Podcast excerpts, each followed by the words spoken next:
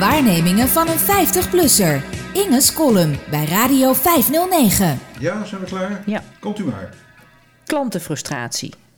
Met de blinde biep, de laatste jaren ook wel bekend als passend lezen, heb ik wat je noemt een haat-liefde verhouding. Ik ben al klant zolang ik me kan herinneren. Boeken lezen vond ik als kind al leuk en naast zwaardrukboeken las ik braille. Tassen vol werden per post aangevoerd vanuit Den Haag, Nijmegen en Ermelo. Vanaf eind jaren 80 ging ik ook cassetteboeken lezen omdat er veel te weinig aanbod was in braille. Later kwamen daar cassette tijdschriften bij en dat werd in 2004 Daisy. Eerst cd's en later streams en downloads. Ik bestel ook regelmatig reliefkaarten omdat ik ervan houd de topografie van een land of werelddeel goed in mijn hoofd te hebben. Eigenlijk ben ik al zo'n 45 jaar een goede klant.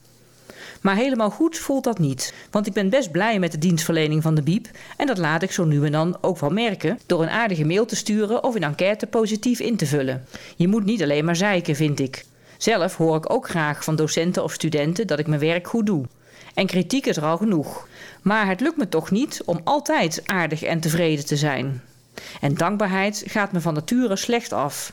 Er is ook veel dat niet goed gaat bij de Biep. Vaak heb ik het gevoel dat men daar in Den Haag meer bezig is met het werven van nieuwe zieltjes en het aanboren van bronnen van steeds weer nieuwe doelgroepen, die vooral groot en nog groter in omvang moeten zijn.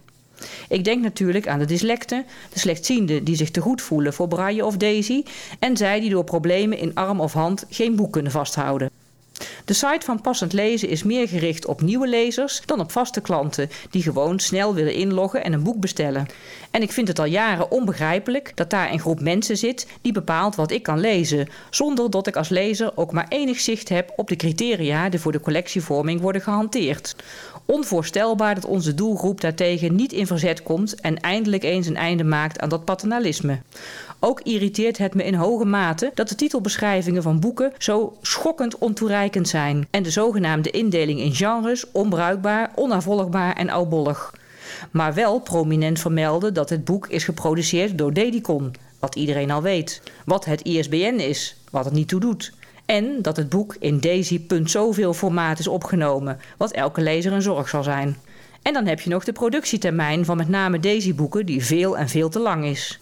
En niet te vergeten de niet-zeggende, maar klantvriendelijk bedoelde antwoordmails waarin je niets anders wordt meegedeeld dan dat je klacht naar de betreffende afdeling is gestuurd. Kortom, er valt nogal wat te kankeren op de biep.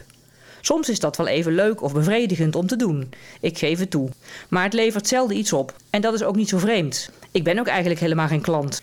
Ik betaal namelijk niet meer dan 30 euro per jaar voor het enorme aanbod aan dure dienstverlening, waar ik voornamelijk op kosten van de Nederlandse belastingbetaler aanspraak op maak. Ik heb dus strikt genomen niets te zeuren. Mij past alleen dankbaarheid. Kon dat maar anders? Kon ik maar een serieuze betalende klant worden? Dan kon ik eisen stellen, kritiek leveren waarnaar geluisterd zou worden.